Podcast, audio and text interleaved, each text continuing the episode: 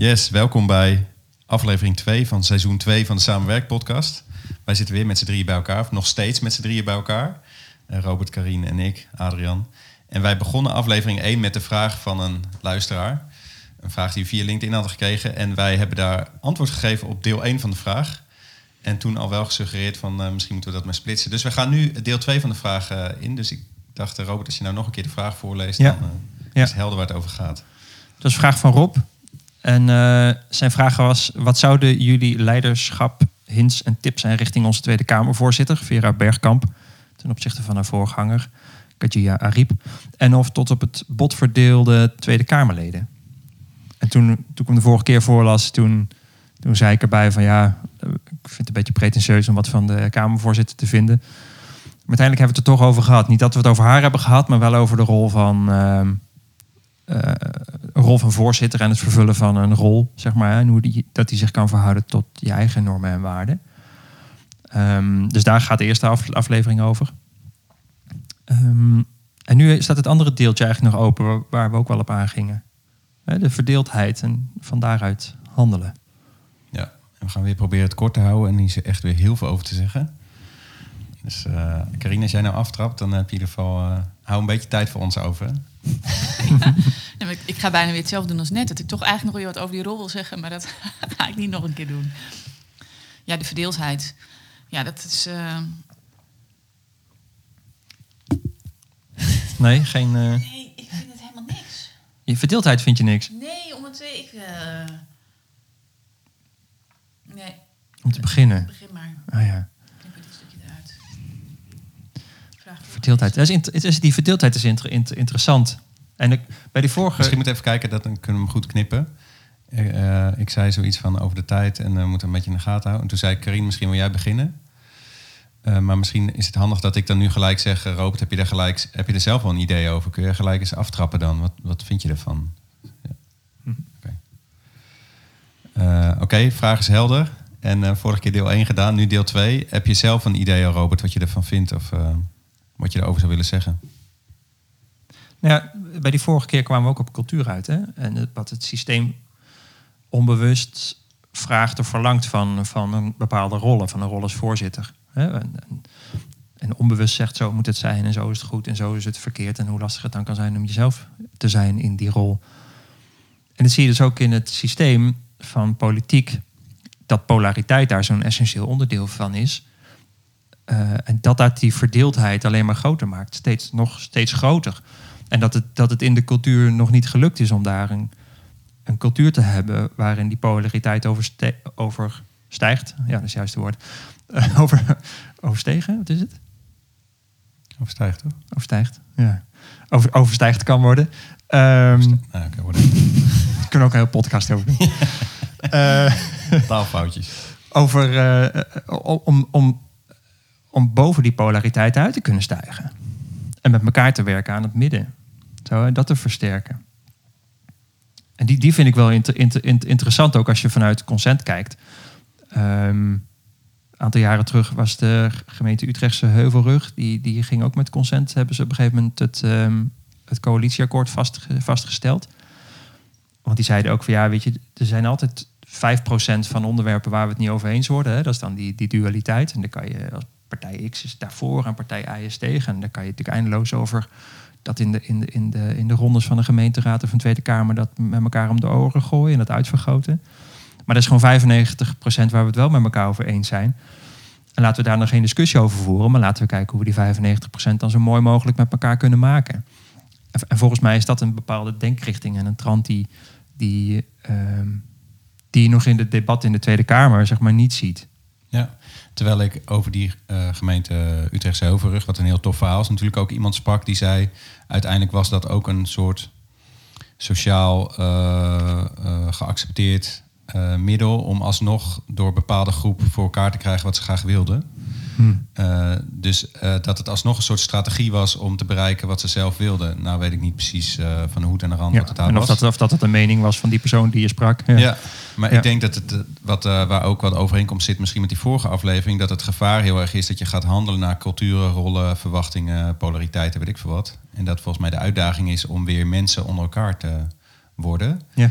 En, en als mens ben ik voor dingen bang en vind ik sommige dingen heel erg belangrijk en weet ik veel wat. En dat bepalen een soort van mijn standpunten, maar dat maken mijn standpunten ook vloeibaar, want soms kan ik ergens in groeien en kan ik ontwikkelen en weet ik veel wat.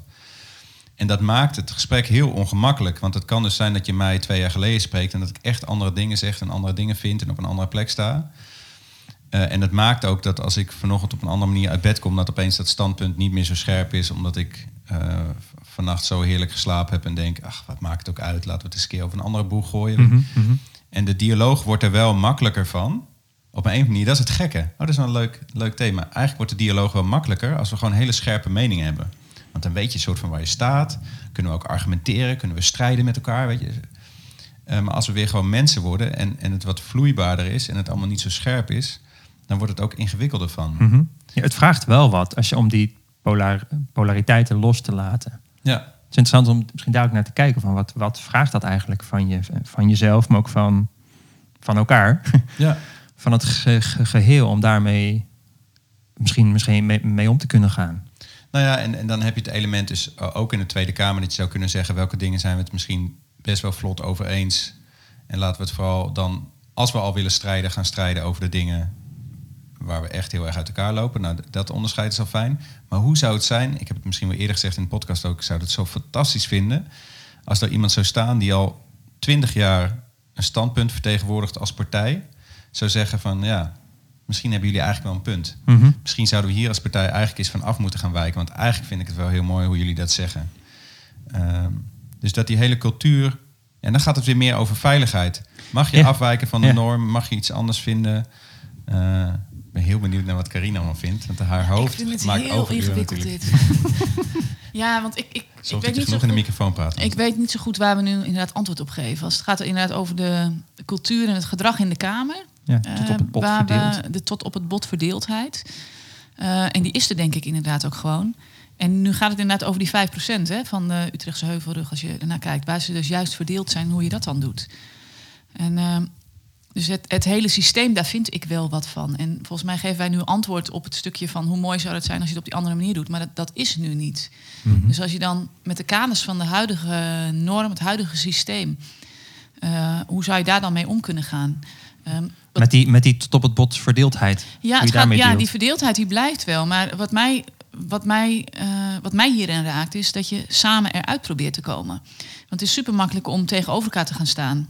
Want hè, le- lekker, eh, eh, dat is eigenlijk de makkelijke weg.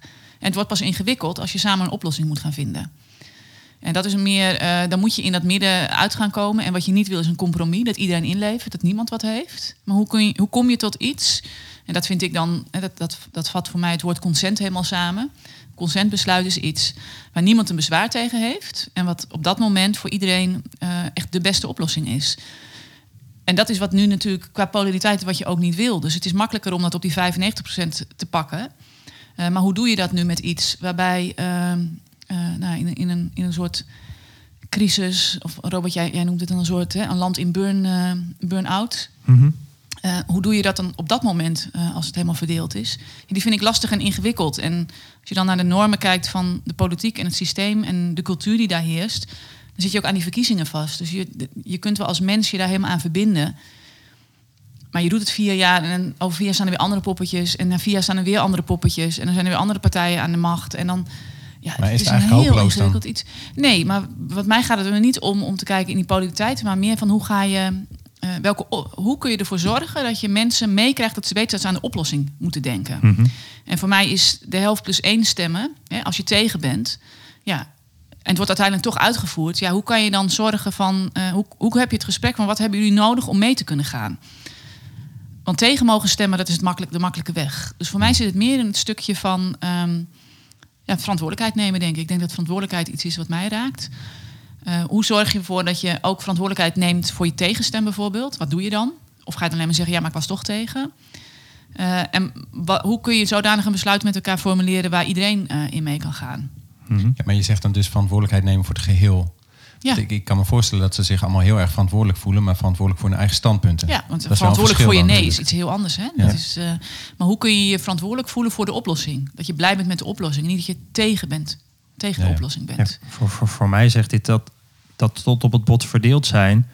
zegt mij heel veel dat er, dat er op een veel diepere laag het gesprek gewoon nog niet gevoerd is. Dus niet luisteren naar elkaar. Of, ja, nou, en, en de mensen bij zichzelf misschien ook nog niet echt naar zichzelf hebben geluisterd. Dat het nog steeds een, een strategie is die ze uitleven eh, naar elkaar toe.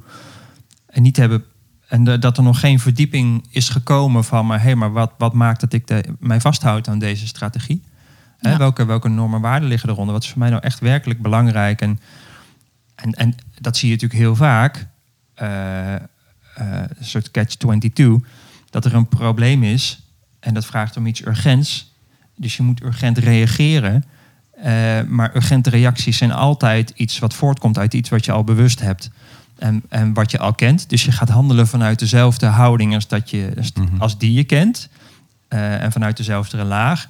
Terwijl heel vaak urgente problemen, die los je niet op door... Ja, als er een brand is wel, hè, dan moet je gewoon blussen. Dat is vrij eh, logisch. Maar de, de problemen die er zijn, die vragen eigenlijk veel meer om... En, en om stilte en om verdieping. En om te kijken, van wat ligt er eigenlijk dieper onder in die cultuur... Eh, wat maakt dat dit zo constant op blijft poppen in allerlei verschillende gezichtspunten? Ja, en, en, en, en daar elkaar in en dan gaan ontdekken van hé, maar wat zijn echt dan werkelijk de essentiële gedeelde waarden die we, die we hebben? En als je daar met elkaar verbinding op gemaakt hebt, om dan te kijken van hé, maar hoe, oké, hoe kunnen we dan weer voortbouwen op eh, hoe kunnen we dan nieuwe dingen gaan verzinnen nu? Ja, wat, wat voor mij daar essentieel in is, is dus op het moment dat ik het alleen maar, alleen maar hoef na te denken over die meningen. Hè, dan, en je gaat uiteindelijk eh, voor of tegen stemmen, dan, ja, dan, dan kom je er nog niet uit. Dus voor mij zit, het, zit echt de essentie in samen oplossingen willen denken, bedenken. Hè, dus wat is je Ja. gemeenschappelijke doel? Het vraagt ook En dan voor de commitment. politieke, ja, hè, Nederland, eh, gewoon het land Nederland en alle bewoners eh, die daar wonen en i- iedereen die daar onderdeel van uitmaakt, eh, daar het goede voor doen. En dan niet voor een grote groep, maar voor iedereen en, en hoe je daaraan bijdraagt. En dat is wat, wat mij ook zo triggert in ja, die standpunten tegenover elkaar. Het gaat me niet zozeer dat mensen die tegenover elkaar staan. Bij mij is het meer de essentie van ja, maar is het lekker om tegenover elkaar te staan of ja. wil je een oplossing bedenken met Ja, elkaar? die voor iedereen goed is. Ja, Ja. en kom je eruit? eh, Heeft dus ook heel veel met intentie te maken, wat je zegt. Ja. Is je intentie om het alleen voor jezelf of voor een bepaalde groep waar je bij Ja. thuis hoort goed te hebben, of voor iedereen? Nou, en ben je bereid om een oplossing? Want eh, tegen zijn, dat is lekker makkelijk. ja. Ik ben ook tegen heel veel dingen, maar hoe dan? Hè? Dus als mensen niet een oplossing kunnen, alleen maar eh, de stem van het tegengeluid, ja, dat is wat mij raakt. Maar goed, dat is dan persoonlijk hoe ik. Het nadeel is een beetje die laag die er nog onder ligt van de cultuur. Is dat ehm, ik had het bijvoorbeeld met een advocaat een keer over consentbesluitvorming. En hij is, is dus met partijen soms twee jaar aan het onderhandelen.